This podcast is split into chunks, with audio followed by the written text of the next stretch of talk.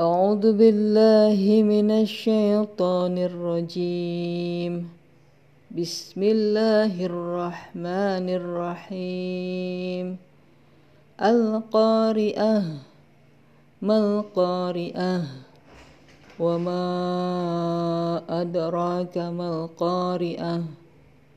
يوم يكون الناس كالفراش المبثوث وتكون الجبال كالإهن المنفوش. فأما من ثقلت موازينه فهو في عيشة راضية. وأما من خفت موازينه فأمه هاوية. وما أدراك ما هي نار حامية صدق الله العظيم